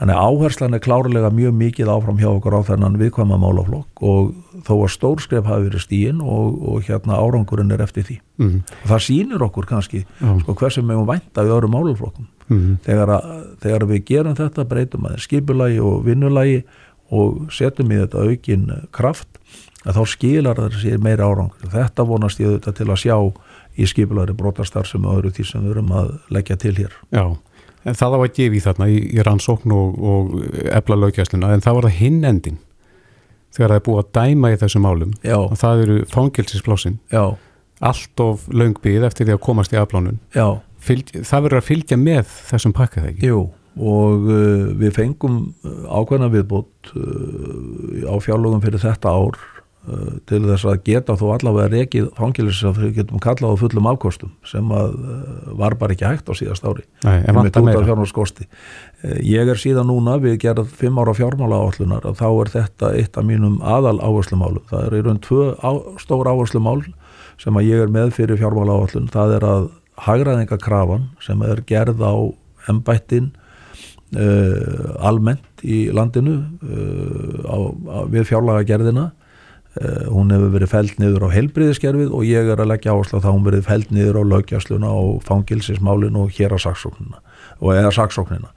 Og hérna uh, þannig að við erum komið, síðan komið þann ramma sem við höfum núna til að vinna eftir með þessu, þessar aukningu vegna þess að ef við þurfum að skera niður þá, þá er það í þessu málaflokkum þannig að við verum að segja fólki. 85% kostnaðunum eru laun Á að bæta við rýmum þá eða í... Já, síðan eru við í er það hluti af þeirri framtíða sín sem við erum að teikna upp og það er að fara á stað mikla framkvæmdir mm. í aðstöðubreitingum á litla raunni það eru tveggja miljardar verkefni sem er bara að fara á stað þar núna þessa dagana. Ég mun síðan leggja til umtalsverða fjölgun á rýmum í opnufangilsum bæði á Sogni og, og fyrir vestan á Kvíabryggju við erum þar með um 20 fanga á hvorum stað og með ekkert allt og miklum tilkostnaði þá munum við geta fjölga þeim upp í fjölgað um 28 þannig að það er að hafa rými fyrir um 40 fanga þá munum við fara þarna upp í rými fyrir tæmlega 70 manns. Mm -hmm. Og uh, hluta því hægt að, að setja í gang með til dæla litlum fyrirvara og jáfnveil bara strax á þessu ári ef að ég fæ það samtíkt á vettvangi ríkistjórnar hitt ekkur aðeins lengri tíma á kvíabryggju að byggja upp, þar er komið að miklum viðhals uh, þáttum og þar þyrft að fara aðeins í frekar uppbyggingu en það mun þá taka kannski einhver þrjú árið eitthvað slíkt að, að klára þar. En þarna líka áherslur okkar á þessu stíð, þetta er svona ákveðin framtíðasín við erum líka að horfa til uh, síðan aflánuna með öðrum hætti heldur en uh, svo félagstjónusta og nota nokkla banda, það var stór skref verið stíin í þessu en, en við þurfum að gera miklu betur þannig. Mm -hmm. Það hefur líka verið mikið, kannski annar, en annar ángin á þessu er, er hérna já, frumvarp sem að þú laði fram og það hafa margir skilaðin umsögnum um þetta lögjæslu frumvarp um, og einhverjir hafa áhyggjur af því að, að já, þetta bjóði upp á of viðtæka upplýsingasöfnun af hálfu lauruglunar uh, er, er, er það mikilvægt til þess að allt þetta sem þú nefndir hér á undan uh, náið fram að ganga að, að lauruglan fái viðtækari heimildir? Já, það er alveg grundvöldur að sérstaklega í skipulöðu brotastarfsemi. Þetta, þetta frumvarp áalveg sérstaklega við skipulöða brotastarfsemi eins og kemur fram í því og þessar auknu heimildir og síðan þegar að kemur að við kollum öryggi ríkisins eða, eða hérna hriðuverka starfsemi Mhm. og uh, við erum að stíga í raun mjög hóvær skref í öllum samanburði við Norðurlöndin eða aðrar Evrópu þjóðir og ég fullvis á fólkum það að, að þarna eru við ekki að gefa einhverjar heimildir sem að, sem að hérna leiða til þess að lauröglun hafi einhverjar óeftir heimildir til að fylgjast með almenningi og eins og sumir hafa nú líst þessu nánast eins og við verðum að setja myndavelar heima hjá hverjum og einum. Þetta er auðvitað langt fyrir þá þannig, þetta þarf auðvitað að vera vel raukstutt og að gefnu tilefni en í dag er staðan þannig að við fáum upplýsingar frá til dæmis lauruglun í Hollandi eða á Norðurlundum um að hinga sér á koma einstaklingar sem að þeir eru með undir eftirliti uh, sem að tengjast skipilari gleipastarsemi og þau vilja leita til okkar um að fylgjast með þeim og veita þeim upplýsingar um hvað þau eru að gera á Íslandi og veita okkur upplýsingar. Við erum ekki stakk búin til að taka þátt í þessu samstarfi að fullu leiti nema þessi breyting eða þessi stað. Þannig að uh, við erum að stíga þarna skref sem er, eins og ég segi, alls ekki stórt uh, eða innleiðan eina reglu sem eru nálægt í að vera eins og er í nákvæmlega löndum okkar en við erum að stíga mikilvæg skref og þau eru grunnurinn af því að geta eld þessa starfsemi og vettvangi skipulaðar brotastarfsemi. Já, setja punktin hér, ekki? Jón Gunnarsson, dánsmálar á þeirra, kæra þætti fyrir komin og gangi ykkur vel. Já, takk sem er leiðis. Reykjavík síðdeis á Bilginni podcast. Reykjavík síðdeis heldur áfram í gær fengum við til okkar Hilmar Þóru Björnsson, arkitekt á eftirlunum. Mhm. Ég sem að eh, hræða eins upp í miklu umræðinni, má segja. Já, hann talar um miklu draugabana og uh, segir að það sé nú hægt að finna miklu allstaðar ef við myndum bara leita henni Já. og var svolítið svona fætt að fingur yfir því að, að uh, verkfræðistofur líkt og ebla og fleiri eins og hann kom inn á í gær eru sko bæði aðilarnir sem eru að, að uh, greina mikluna og svo líka taka að sér verkefni við það að, að bætur ástandinu. Já, ekki kannski viðgerðar aðilinn en, en þeir taka máli lengra. Akkurat. Og setja bætja vegna bórsins að hans mati. Já, en hann fór á fund í gær með Eblu og, og uh, ég var nú ekki alveg komin á þeirra band kannski eftir fundin eins og hann sagði við okkur í gær. Nei, Silja Dögg Sigurjónsdóttir, eh, líffræðingur og líðhelsufræðingur hjá Eblu er komið til okkar, velkomin. Takk fyrir. Já, þið reyndu að skólan aðeins til þarna. Já, við böðum honum í heimsókn að, að bjóðunum fræðslu og bara fá samtal. Já. Bara við fögnum því að arkitektar veiti þessum málum aðtekli Mhm. í rauninni. Þannig að það er, það er fagnarefni. En, en eins og hann benti á og, og einhverju hafa nú tekið undir með honum að þá getur það, já, virst allavega frekar skakt að, að verkfræðstofa líkt og Ebla sé bæði að greina mikluna og svo taka að sér verkefni gegn greiðslu til þess að bæta úr málum. Er þetta ekki svona einfalt eins og þetta er svona látið veðri vaka? Þetta er nefnilega einmitt ekki svona einfalt. Í fyrsta lagi kannski þá snýst svona útökt eins og í okkur ekki um að leita miklu. Heldur snýst þetta aðalega um það að finna raka ástand húsins og raka ástand er það sem ræður því í rauninni hvaða stöðu ert, svangað lekum og öðru og það sem fyrir í gang er bara greiningaferli og rannsókn á orsökum. Því að í rauninni markmið svona útöktar í okkur er að finna lausnir fyrir eiganda til þess að geta bætt úr ástandinu. Það er ekki að, til að reyna að finna einhverja miklu því að það er líka alveg rétt. Ef við leitum nógu vel, þá getum við fundið miklu í hver einstu húsi. En það er ekki þar með sagt að þessi vandamál. Nei. Þannig að það sem að okkar útækt gengur út á er að finna orsakirnar fyrir vandamálinu til þess að geta leista. Og við þekkjum auðvitað mjög vel í bara fullt af öðrum, hérna þú ferði tallagnis og hann greinir vandamáli, hann er rannsóknar aðlinn og hann síðan er að gera við. Við erum ekki einu svona að gera við, heldur við að leggja til tillögu til úrbóta og svo fylgjum við oft verkefnu. Enda má ekki gleyma, því að við rannsókn á rakaástand á húsum, henn er ekkit lokið eftir eina frumskoðun. Þannig að það fer fram skimun, það fer fram sínataka og annað og svo í framkvæmda ferlinu þá er ennþá í rauninni rannsókn í gangi. Af því að þetta er það flókið. Það er eitthvað að leka, við þurfum að finna ástæðina og stundu finnst hún ekki fyrir en það að byrja að opna upp og skoða betur. Já, en nú er oft talað um það að við uh, upp til hópa kannski Íslendingar erum ekkert næla dugleg að, já, til dæmis lofta út og, og gera svona alls konar varuðar ástafanir. Er það algengt að, að já, þið komið til sögunar og, og, og sjáuð, já, það er eitthvað vandamál sem þarf að laga. Er þá þetta að grípa inn í áður en að þetta verður að eitthvað stóru miklu máli líkt og við erum að sjá til dæmis hérna í, í melarskóla? Bara algjörlega. En að því sögðu þá er í rauninni, ef, ef ég get tjáð mig aðeins um meðlaskóla, að því við erum að tala um það og það er orðið ópenbar gagn, að melaskóli er í rauninni ekki mjög slæðum ástandi með við hvað, aldur og, og, og sögu og þá snýst þetta svolítið mikið um einmitt þetta viðhald af því að viðhald skiptir mjáli það ef að þú sinnir ekki egninniðinni og hún fer að leka að þá koma þessi afleðing lekans sem er þá bara eitt hluti af því ég er mikla og mikla er bara að sinna sínu hlutverki. Hún á að vera hérna á jörðinu með okkur hún á að sinna því hlutverki að brjóta niður byggingarefni meðal annars. Og þá fer hún bara á stað, hún fær það í rauninu skilaboð þegar hún fær vatnið að hún eigi að fara á stað. Þannig að það er það sem við viljum koma í vekk fyrir og við getum gert mjög margt til að fyrirbyggja. Og í fyrsta lagi þess vegna segi ég fagna umræðinni að, að arkitekta séu kominir í þessu umræðu. Svo það var málþing hérna 27. januar þar sem að normenn ha hafa verið að greina í rauninni orsaki rakavandamála, því að auðvitað eru við ekki eina þjóðin sem eru eigum við rakavandamál því að byggingar skemmast efilt út af raka. En þeir sérst hafa greint það og stór hluti sem þeir telja í Nóri er vegna hönnunar þannig að það er mjög mikilvægt að ná þessu samtali í rauninni allir aðilar allir fagðilar í byggingariðinni Hvað er það við hönnunina sem að gera það verkum að það miklar? Það er bara alls konar útfæslur og nótkunn og, og í rauninni hönnunar, já, hönnunar útfæslur. Er þetta sem stalgingara í, í nýlegri byggingum að hún hefa týrætt í gærum það að, að, að, að aldurinn skiptir ekki máli? Aldurinn er ekki á, ákvörunar þáttur í því hvort að eitthvað sé miklað og, og ég heyrði einmitt í gæri að hann talaði um að þá væri það áfællistæmur um gömul hús. Það er alls ekki málið. Af því að þar sem lekur, það getur komið fyrir nýjum húsum líka. En aldur er að þýleitinu til að byggingarlutar hafa ákveðin líftíma. Og það er kannski eitthvað sem við Íslandingar þurfum að gera okkur betur grein fyrir að gluggar eru ekki eilífir. Þök eru ekki eilíf. Og þú getur átt, einmitt eins og að nefndi 300 á gammalt hús. En það, það fór öruglega fram viðhald á þeim 300 árum og það er það sem við þurfum að skilja að ald, því lengri aldur því lengur er, ertu komin í líftíma ákveðina byggingarluta sem þú þarfst að fara að huga að. En, en þú nefnir hérna hönnunin að, að hún hafi breyst uh, að mati normanna að, að hérna ekki hún hafi breyst heldur hún er stór hluti af ástafunum fyrir rakavandamálum. Mm. þannig að við þurfum að horfa í hönnun alveg í upphafi þegar við erum að hanna húsin að koma í vekk fyrir áhættur. Eitt... Já, fyrir ekki, ég er náttu með því hvað er það í hönnuninni sem að gera það verkum að rakin á greiðari leið inn í hús?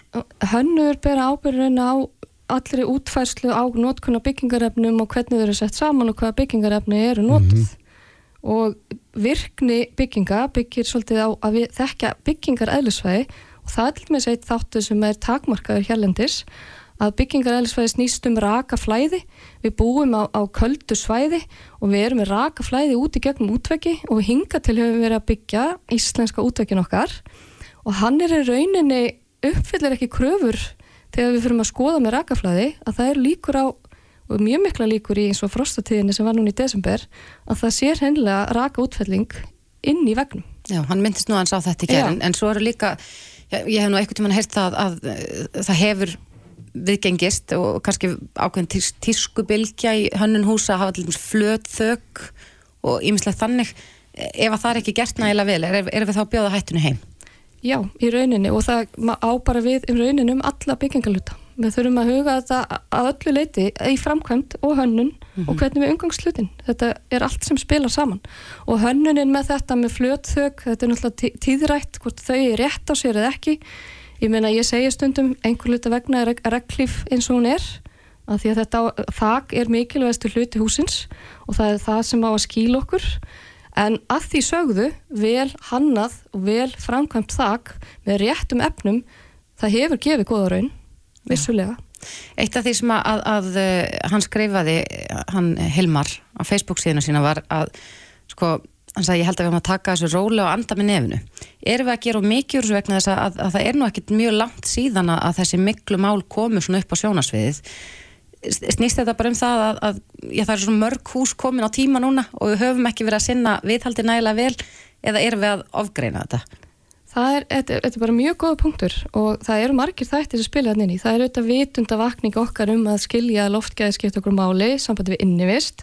Þannig að notendur eru meira meðvitaður um ef eitthvað kemur fyrir.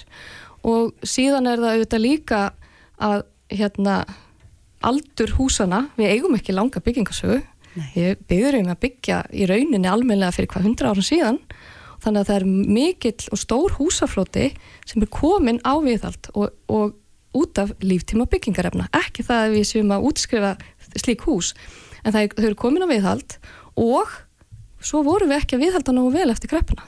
Þannig að við erum í viðhald skuld við fullta eignum. Og þess vegna held ég að það er ein af grundvallar ástæðan fyrir að þetta er að hella svolítið yfir okkur núna og að við erum að átt okkur á vandanum og að það skipti máli að hús leki, þau skipta máli fyrir notendur. Það er líka það sem hefur breyst, við hefum átt okkur á því. En önnur löndi kringum okkur fór í gegnum mjög svipaðan fasa fyrir 20-30 árum síðan. Við erum bara aðeins setni að taka við okkur. Og hefur ekki lært af þeim. Við getum lært af þeim, Mhm. við þurfum að heimfæra og það er akkurat þetta, við þurfum ekki að finna upp hjólið. Og við erum einmitt að koma heim hinga með þá þekkingu og við í eflu störfum eftir alþjóðlegum stöðlum af því að svo er eitt í viðbót. Við eigum ekki samrandar rannsóknaraðferðir á greiningu á þessum vandamálum þannig að þú getur verið með eign og fengið þrjár mismöndi niðurstöður. Við erum ekki með viðmið hvenar á að tæma, hvenar á að loka rými hve- hvenar á að bregðast við. Og að því sögðu þá langum við að taka það fram að ráðgjafi er aldrei ákvörnarvald í þeirri ákvörnartöku, það er alltaf eigandi eða, eða umsjónaraðri húsægnarnar sem tekur það, þá ákvörnun þannig að það er mjög margt sem okkur skortir. Svo, svo er takmörku þekking en hún er að koma mjög ört. Þannig að það, þetta er allt svona á byrjunarreit hjá okkur með við önnur lönd og vissulega eigum við að taka okkur aðra líka til fyrirmyndar en við þurfum alltaf að heimfara því við búum á eigu út í hafi Mhm. með slagveður og ýmislegt annað þannig að það er margt sem við þurfum að heimfara En svona fyrir henn almenna hlustanda sem er að hlusta núna, er hægt að sirka þá út hvort að rými sé líklegra til þess að mynda miklu með rakamæli? Rakamælir er mjög gott tæki vasaljós og rakamælir er eitthvað sem þú getur fengið vísbendingur um ef það er viðvarandi rak einhvers þar þá getur einmitt búist við því að þessar örverur fari á stað og sinni sínu hlutverki sem við viljum auðvitað ekki að gera í húsunum okkar Hver lítja mörkin þá varandi rakan? Er það meiri raki í rýminu heldur en ætti að vera? sko það er ekki loftræki nefnilega sem er ákvörnum valdin Nei. endilega Mhm. það er rakin í byggingarefnu ef það lekur gluggi og hann sannarlega næra hvað maður að segja, bleita þau byggingarefni sem eru þá ef það eru til dæmis efni, sem er gifs og með pappír og annað þá er það eins og við segjum átt ljúfeng fyrir miklu sveppin og þá er Mhm. mjög auðvelt fyrir hann að fara á stað og ef að það blotnar einhver tíma að þá þurfum við bara að bregðast við og þetta snýst eða alltaf um þekkingu og við þekkjum vandamálið, að því um leið við þekkjum vandamálið þá verðum við ekki eins, hvað við segja, hrætt við það og getum bröðst við. Hvernig notar það vasaljósi? Við lýsum niður eftir veggjum. Þú leggur vasaljósið með góðum geisla niður eftir veggjum og þá getur lesið oft vasslínur og annað í veggi sem þú sér ekki með berum augum. Þannig Já. að það er gott hjálpatæki. Ég held að það séu nú margir að fara að munda vasalösi í kvöld og kíkja þess að vekkina heimi og svo eftir þetta. Þetta er eitthvað sem maður getur bara gert sjálfur til þess að allavega fá okkur að vísbendingum uh, Já, rakan. Já. Já, uh, Silkja, Dögg Sigurðansdóttir, uh, kæra þakki fyrir komuna. Ég vona að hlustendur séu einhverju nær hvað þetta varðar. Takk fyrir mig. Reykjavík síðdeis á Bilginni podcast. Það er eitthvað aðeins að snú okkur á fluginu. Já, við, uh, ég held að það var svona opnast aðeins nýr veruleiki fyrir okkur þegar að þessi lággjálda flugfélög uh, fóru á flug, Mhm. má segja. Og hér áður fyrir það bara bókaði með þessi flug og það var bara, maður fekk tösku og alls konar hlutir sem bara einhvern veginn fylgdu með flugfargjaldinu. Já, ég mislegt inn í falið. Já, Já. en nú er þetta orðið þannig að uh, ég til dæmis flög með lággjálda flugfélagum daginn og þeir vildu svona rosa mikið svona eh, hrósa sér fyrir það að ég þyrfti ekki að borga fyrir það að tjekka mig inn sjálf og Nei. ég hugsaði, vá hvað þetta er orðið skakt ef, ef þeir eru farin sko að, að eh, já, vera rosalega stoltir af því að ég þurfi ekki að borga fyrir það að vinna vinnuna sjálf Vinna vinnuna þeirra. já, Já. þá finnst mann þetta orðið svolítið skakt og svo þarf maður að borga fyrir að, að velja sér sæti og þarf að borga fyrir allan farangur sem ætlar að vera með og, og þar fram til göttum En nú berast fréttir frá bandaríkjunum og uh, í fréttin á mbl.is segir að ríkistjórn Joe Biden uh, fósetta berst nú fyrir nýjum lögum til þess að útrýma tilgangslösum gjöldum og þar falla undir meðal annars það að, að það þarf að borga fyrir það að börnin sitt hjá manni. Já, það er auðvitað eitthvað sem maður myndi halda að væri bara svona hérna öryggismál Já. að, að fjögurra, fimm, sex ára börn sé ekki sett í röð 30 og fóreldrarnir bara í röð 2 Já, að njóta lífsins Með einhverjum ókunnum Já, hver setur þá öryggisgrímun á barnið? Akkurat. En hann er sestur í okkur, Breki Karlsson, formaður neytenda samtakana, kom til sæl. Komið sæl. Já, ert, er, ertu sammála þessi megin aðrum, auðvitað er þetta svolítið skakt að, að við erum, já, sérstaklega eins og þetta sem ég nefndi, að, að ég er farin að vera voðalega heppin að þurfa ekki að borga fyrir það að tekka mig einn sjálf. Þetta er náttúrulega faranlegt og, hérna, og svona gjöld sem, sem eru falin í, í hérna í eitthvað sem þú verður hvað sem er að, að greiða en, en sér það ekki fyrirfram. Eru náttúrulega bara hérna bara ættu ekki eiga sér stað. Nei, en þetta er frekar svona nýtt á nálinni við, uh, já, flugbransin hefur breyst ofbáslega mikið, hér áður fyrir var það að, að ferðast eh, til útlanda einhver munaður sem að bara fáir gáttu leift sér, en nú er þetta orðið já, ansi opið. Já, já, og margir segja að flugið sé of ódýrt að, að hérna við séum ekki að borga raunverulegan kostnað við flugið þar að segja hérna þann skada sem við erum að gera umhverjunu með með því að nota flug en, en hérna látum það líka millir hluta en, en, en hérna í, í, í þessu þá náttúrulega er það alveg fáralegt að, að, að þurfa að hérna eins og segir sko að þeirra fjölskyldur eru sundraðar að er virðist bara hérna ja, vísvitandi að, að, að fólk er ekki sem kaupir miða saman og, og það ákveður að, að kaupa ekki sæti þá er það eins og sé vísvitandi sett á sikkur á stæði mm -hmm.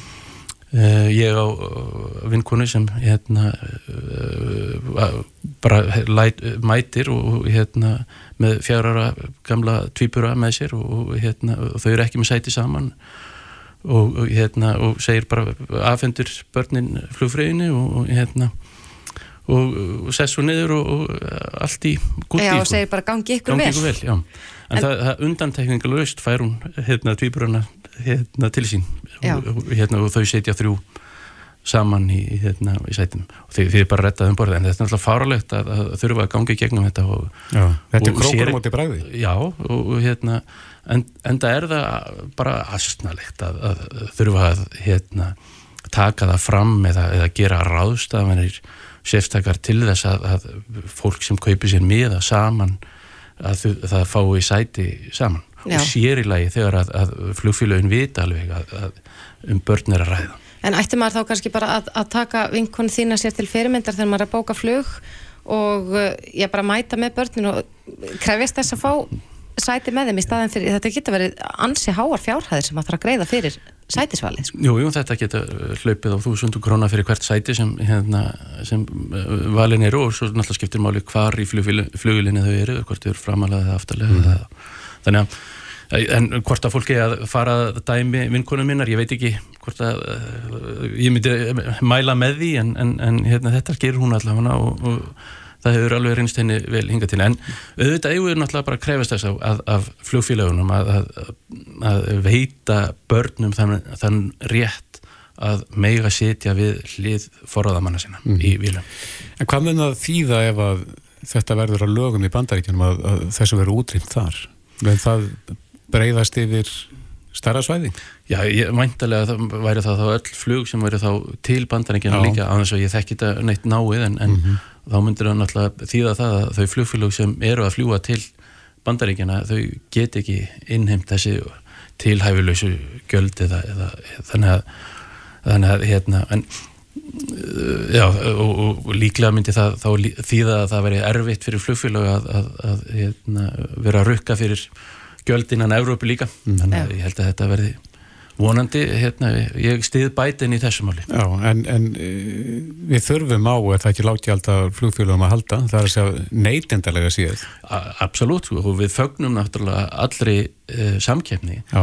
en það verður að vera gegnsægi í verðlagningu, það, það á ekki að þurfa að borga aukalega fyrir súrefni í vilinni eða, eða uh, hvaða nú er sem, sem hérna, fólki ditt í huga að, að, að rukka fyrir. Hvað eru flugfélagin kræf í því? Er það misjamt? Já, já, það er mjög misjamt hérna, millir flugfélag hvað, hérna, hvort það er rukkað fyrir til dæmis að börn siti við hliðin á fóröldar sína með ekki, mm -hmm. eða fóröðamennum uh, og, og, og það er ekki, alls ekki öll flugfélag sem gera það og, hérna, og við náttúrulega bara fögnum því að, að og hérna og bara fóreldara sem vilja sitja við hliðan á, á börnum sínum án þess að greiða augalega fyrir það ætti náttúrulega bara beina viðskiptu sínu til þeirra, þeirra flugfélaga. Já, það getur auðvitað skipt mjög miklu máli fyrir sko budduna og það því að, að já, til dæmis hérna inn í frettina mbl.is að þá eru nú fengin viðbröð við þessu, þessu lagafrömmarki framarpi Bidens um, Play segist sko reyna að tryggja að börnin sitja á fóröldri sinum en ef maður vill vera alveg örugur þá þarf maður að kaupa sæti. Á meðan Æsland er með um, í sínum skilmálum að sætisval barna á aldurum 2-11 voru sér að en það getur verið heimin að hafa í, í sko flugfargjöldum þarna á milli. Jú, jú, en, en þá þarf fólk að, að leggja þetta saman og þetta er það er náttúrulega það gagsæði sem við myndum vilja sjá að, að hérna, það væri engin auka gjöld sem legðust á eftir að þú ert búin að sjá verðið á miðanum Mhm. -hmm. að, hérna, að þú getur þá fyrirfram séð, heyrðu, uh, sagt sko ég er með tvö börn, ég þarf að fá sæti fyrir þau, hvað er verðið fyrir hérna fyrir heldapakkan áður en að þú ferði í gegnum hérna, að því að nú veit ég ekki um play en, en, en sögum lágjalla flugfélag eru þannig að þau svona lokka mann inn með uh, hérna, lofarðum lágt verð en svo, svo kemur í ljós, heyrðu þú þarfst að borga fyrir þetta, borga fyrir að tekka inn og borga fyrir hitt og þetta. Þannig að á endanum er það ekkit eins gott verð og þú en þá ertu kannski komin ofur langt hérna inn í ferlið að, að, að það er og maður eiginlega nennir ekki að snúa við sko. ég var nú, að, eins og ég segja í flugjum daginn og það var með Visser sem er svona lágjaldaflugfélag ég hugsi að við þurftum að fara í gegnum svona 12 mismunandi skref áður en ég gat í raun séð heldar upphæðina á fluginu og það er náttúrulega eitthvað sem, sem við, við myndum vilja hérna, að hyrfi að, að, að þannig að þú gætir þá í raun og veru búrið saman sambarlegt eh, flug hérna og, og, og já, hérna, kann- kannski ekki með mat eða, eða, eða það var hægt að bæta það í augalega við eða eitthvað slíkt en, en, en allan all, þetta allra helsta það að, að fá sæti í, í vilinni hérna og að, að hérna, tekka inn og, vera með í það minnsta handfárangur og, og svoleiðis að það sé allt sem hann bara innifælið í því verðið sem er uppgefið í, í upphafi. Akkurat. En eh, sko, flugfélög eru þetta mismunandi og uh, það eru alls konar neytenda vinklar á, á flugmálum. Þú getur uh, sótt um skadabætur og hitt og þetta fyrir senkanir og aflýsingar. Hvernig standa íslensku flugfélögin sig uh, í þessum efnum? Þau standa sig nú almennt uh, bara ágætlega og við höfum uh, náttúrulega líka mjög gott stjórnvald sem, sem er duglegt að, að aðstóða neytendur sem er samgöngustofa Mm. Sem ef, ef fólk lendir í vandræðu með hérna, ja, ef það er senkanir og vilji- eh, eru einhver svona ja, ágreiningsefni þá, þá sker samgöngustofa úr um það og, og, hérna, og flugfélögin allan þessi íslensku þau hafa verið að hlýta því þó að það sé einhver bragða því að erlend flugfélög sem hinga að koma hafi ekki farið að úrskurðum uh, samgöngustofu og, og, og uh, hérna og ég vil verið mjög erfitt fyrir neytendur að leita, leita réttar síns Myndur þú segja að það væri virk samgefni á flugmarkaði hér? Já, ég myndi segja það. það, það ég veit ekki hvað eru mörg hérna, flugfélög sem fljúa hérna þau... Eru á þriðja tug, held Á ég? þriðja tug held ég, já. Þannig að það er alveg hægt að, að, að, að afer sem áður var að þegar það var bara eitt eða tvö félög sem flugu hérna og, Mhm. og kannski bættist þriðja flugfælaði við um, um, um, að sumri til en, en núna er flóið allan ársins ring og meira sér til Akureyrar líka hérna mörg flugfélög þangað þannig að Þannig að já, ég myndi segja að það veri bara nokkuð góð samkeppni á flugmarkaði á Íslandi. Já. Það verður forvitnilegt að fylgjast með hvort að þessi lög bætens uh, fari í gegn og hvaða áhrif það mun hafa til dæmis bara hér. En Breki Karlsson, formaður neytinda samtakana. Kærar þakki fyrir komuna. Takk sem þess. Hlustaðu hvena sem er á Reykjavík C-Days podcast. Ég held að flest okkar sem hafa farið í framhaldsskóla, maður lítur tilbaka og hugsa bara vá hvað þetta var skemmtilegt.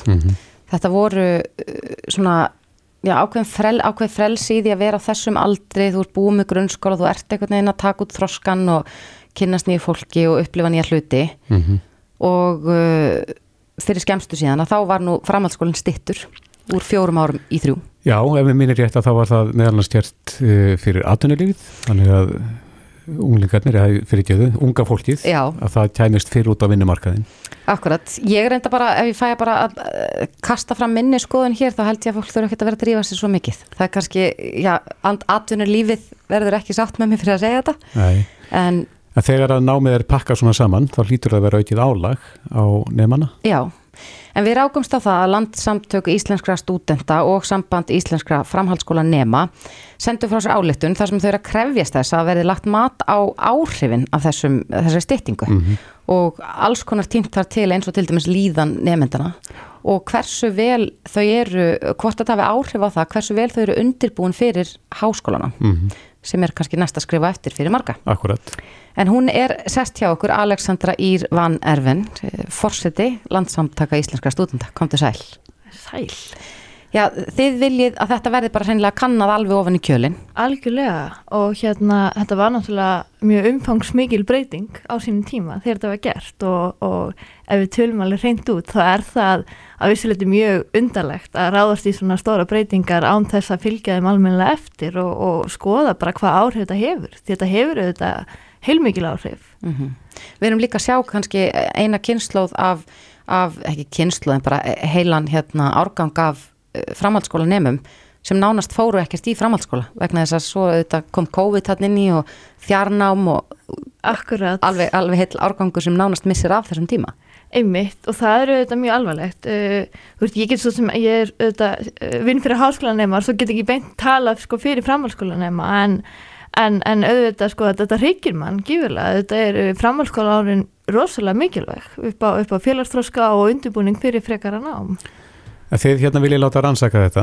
Algjörlega. En Hver er svona eitthvað tilfinning? Hvað, hvað heyrið þið í kringum ykkur? Einmitt, sko við heyrum mjög mikið innan úr framhalskólanum að, að, að nefndur eru undir uh, miklu álægi, mm Mhm. það sé mikil streyta um, það eru einhverja vísbendingar um að, um að hérna, félagslífi eða tómstund og þáttöka uh, líði fyrir uh, þessa, þessa uh, breytingar náminu Mhm. um, en svo, og svo heyrir maður frá háskólakennurum að, að það séu vísbendingar um að, að nefndur koma uh, með minni undirbúning upp í háskólana og það er auðvitað rosalega alvarlegt upp á gæði háskólanáms, upp Mhm. á uh, möguleika íslenska nema að komast í háskóla ellendis og svo framvegis. Mhm. Þannig að sko við höfum svona einmitt, við höfum alveg tilfinningu fyrir ymsu en, en það sem okkur vantar í rauninni er bara gögn og það verði skoðað almennilega.